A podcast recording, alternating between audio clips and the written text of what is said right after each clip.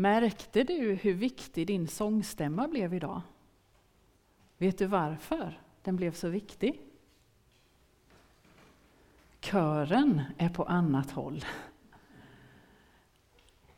För mig blev det en viktig bild av det som den här gudstjänsten handlar om. Hur viktiga vi är, var och en. Jag är inte så bra på att sjunga, men idag blir min stämma ganska viktig. Ja. Idag handlar gudstjänsten om det som jag tror att vi människor har svårast för i livet. Nämligen att leva tillsammans med varandra. Det finns så mycket som vi kan, vi människor. Vi kan resa till månen. Vi kan göra två genetiskt lika får. Vi kan urskilja sjukdomar hos barn som ännu inte är födda. Vi kan få in mer information än alla vi tillsammans kan hålla i huvudet i ett enda litet chip. Vi kan tala med och till och med se en människa på andra sidan jorden i detta nu.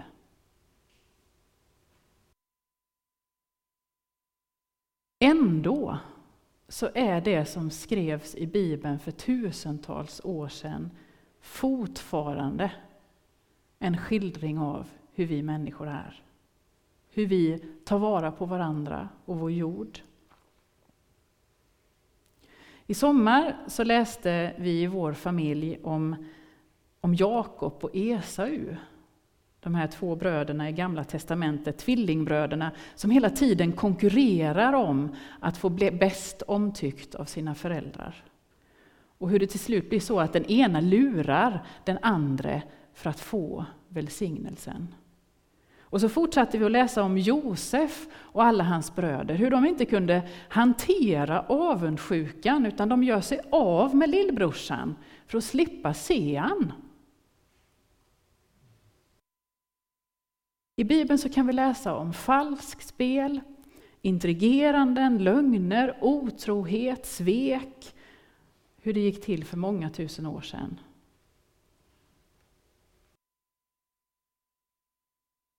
Och den här sommaren så har vi hört nyheter om hur fruktansvärda vi människor är med varandra. Vi kan jaga ett helt folk i flykt upp i torra berg där det inte finns någon mat. Vi kan rita en figur på deras hus och så driver vi iväg dem. Bort ska de. Vi kan avrätta människor inför en kamera bara för att vi ska se skräcken i deras ögon.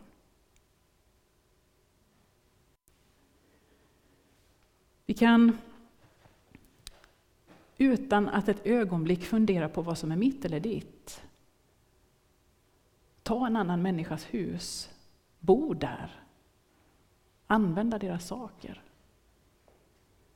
Vi kan driva ett krig för att få rätten på min egen sida.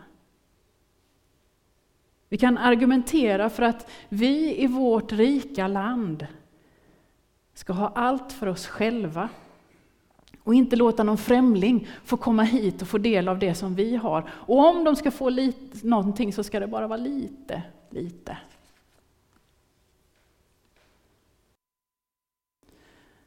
Jag vet inte hur du hanterar allt det som händer. Vi är ju olika, vi gör ju på olika sätt i det. Jag försöker mestadels blunda. Jag säger till mig själv, jag orkar inte mer. Jag orkar inte mer. Jag kan inte ta in mer. Och så gör jag min, liten, min värld liten, behändig och liksom kontrollerbar. Och kanske jag suckar och säger, oh, vad ska samhället ta vägen? Och när jag säger så, så säger jag samtidigt att jag är inte en del av allt det som händer. Håll mig utanför.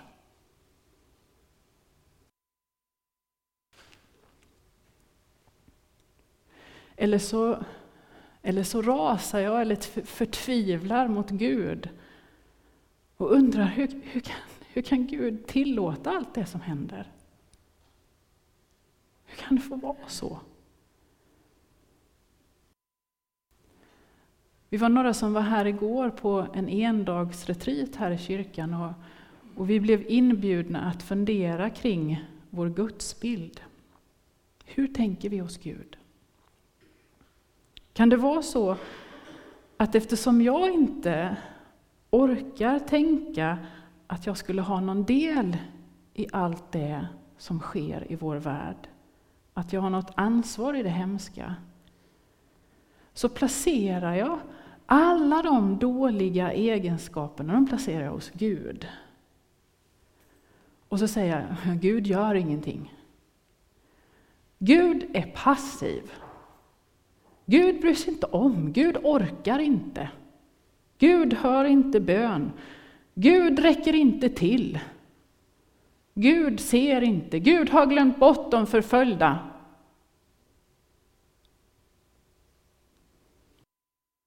Och så har jag gjort, jag har gjort Gud till en föraktad bild av mig själv. Gud blir en, en mänsklig konstruktion. Och jag, jag blir ännu mer ensam. För vem är jag om Gud bara är någon som jag har hittat på?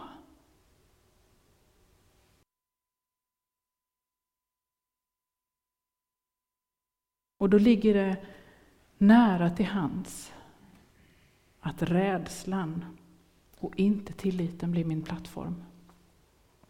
Min drivkraft. Rädslan för det främmande. Rädslan för att förlora det jag redan har.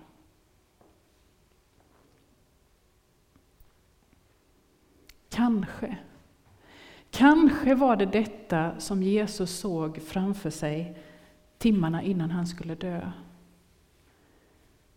Han visste att han i synlig gestalt skulle lämna lärjungarna som han älskade. Han vet hur det är att vara människa och hur svårt vi har att leva tillsammans. Han vet hur lätt vi gör oss själva ensamma.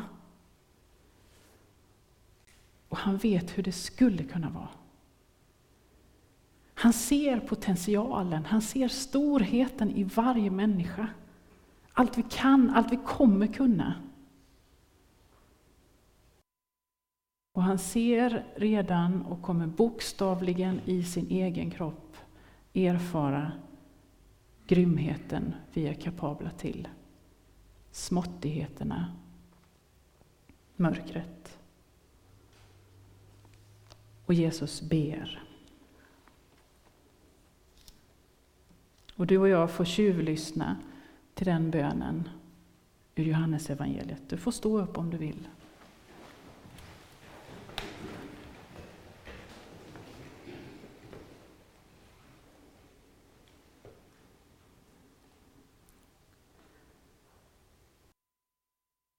Jesus ber. Liksom du har sänt mig till världen har jag sänt dem till världen. Och för deras skull helgar jag mig till ett offer, för att de också de ska helgas genom sanningen. Men inte bara för dem ber jag, utan också för alla som genom deras ord tror på mig. Jag ber att de alla ska bli ett, och att liksom du, Fader, är i mig och jag i dig, också de ska vara i oss. Då ska världen tro på att du har sänt mig. Den härlighet som du har gett mig har jag gett dem för att de ska bli ett. Och för att liksom vi är ett, jag i dem och du i mig, de ska fullkomlas och bli ett. Då ska världen förstå att du har sänt mig och älskat dem så som du har älskat mig.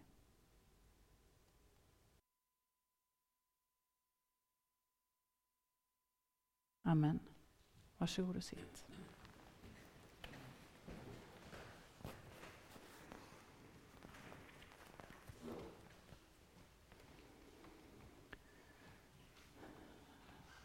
Vad säger Jesus bön om oss? Och vad säger den om Gud?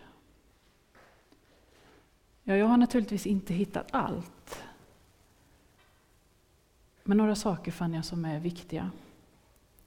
För det första så andas den här bönen kärlek. Kärlek som i, som i djup sammanbundenhet, enhet. Jesus ber till sin far och i den relationen finns en värme. En förtrolighet, en enhet. De är, fastän två, ändå ett. Inte av tvång eller utan eget val. Samhörigheten är aktiv, den pågår hela tiden och har riktningen öppenhet. Längtan att bli fler. Där är kärlek, respekt, ömhet, ömsinthet.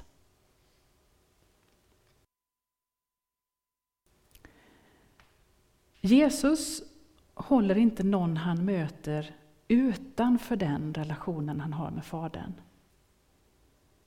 Utan Jesus bjuder in. Jag ber att de alla ska bli ett och att liksom du Fader är i mig och jag i dig, också de ska vara i oss.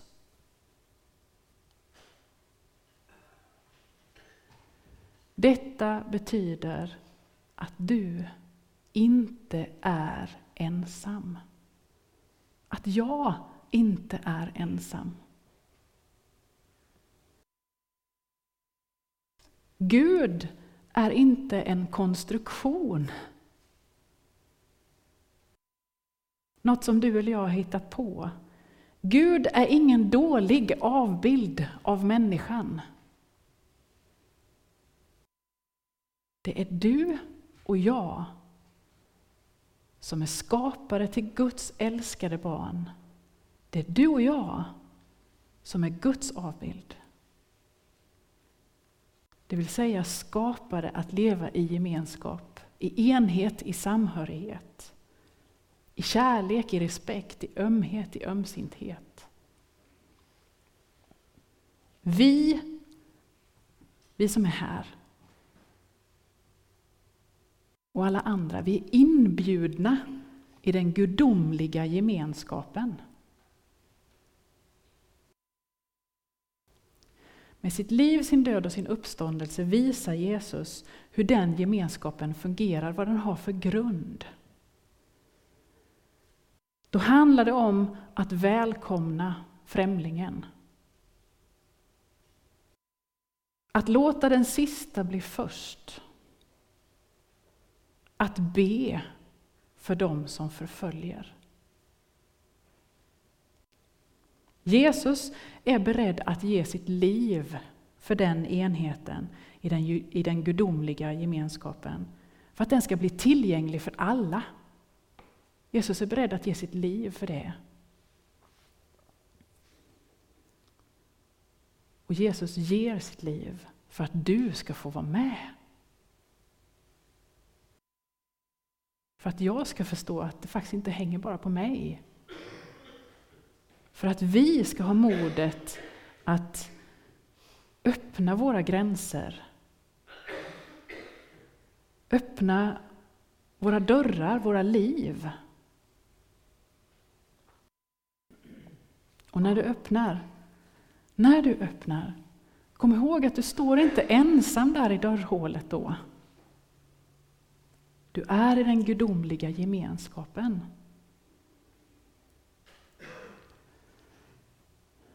Ja, vi kommer säkert att känna oss ensamma eller till och med övergivna ibland.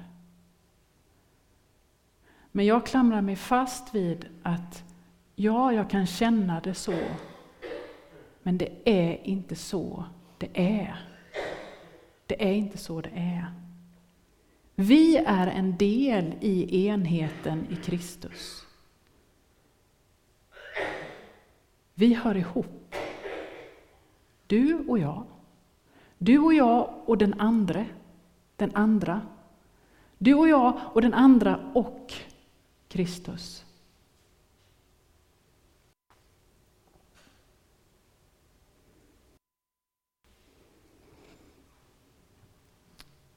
Ja, vi kanske tänkte att idag blir det en fin predikan om ekumeniken.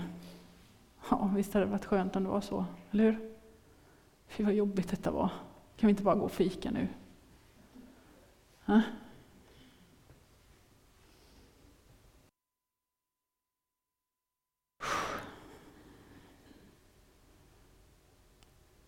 Hur kan det vara så att vi inte bara får ha det sådär skönt och mysigt? Gud, vad vill du säga oss med detta?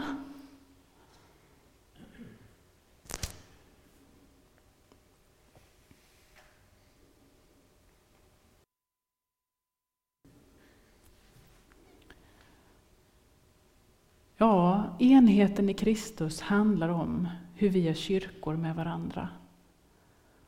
Och det handlar om hur du och jag lever våra liv. Vi har fått som gåva att höra ihop med Jesus. Det har vi fått som gåva, det är gratis.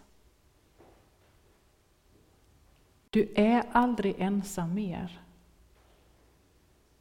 Du är medräknad, du är en del. Du är en gåva.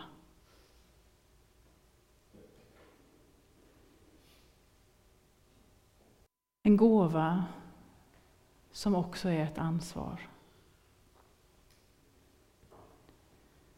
Vi är sända att leva den här enheten, att bjuda in till den, att alltid ta emot i den.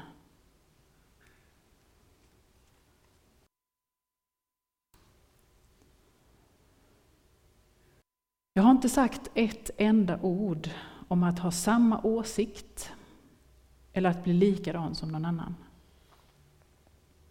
Ett, bas, ett brassband behöver olika instrument. Tyvärr Hans, alla kan inte vara bastuba. Det är synd, men det är rätt bra.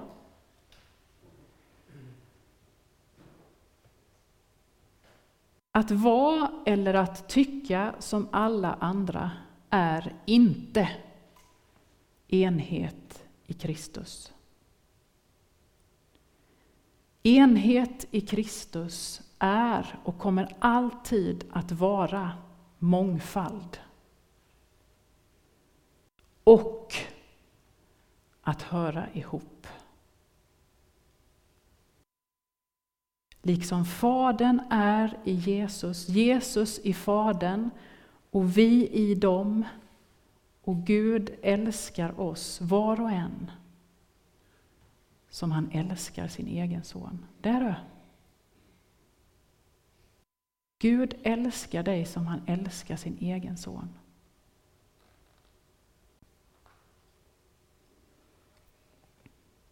Och i detta är ju vi människor som kan resa till månen, som kan bota jättesvåra sjukdomar. Och vi kan förfölja, mörda och avvisa främlingen.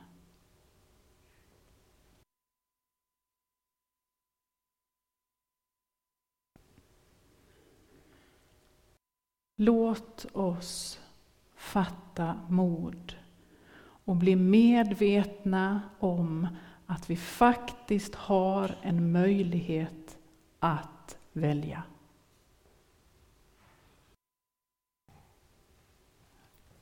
Jag är inte modig. Jag skulle helst bara vilja gå och fika och ha min lilla bekväma värld och renovera mitt kök i fred. Men snälla du, kan du inte hjälpa mig?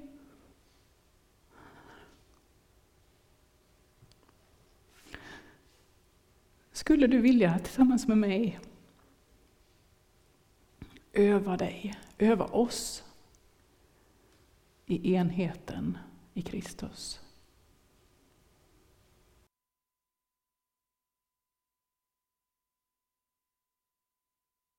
Amen.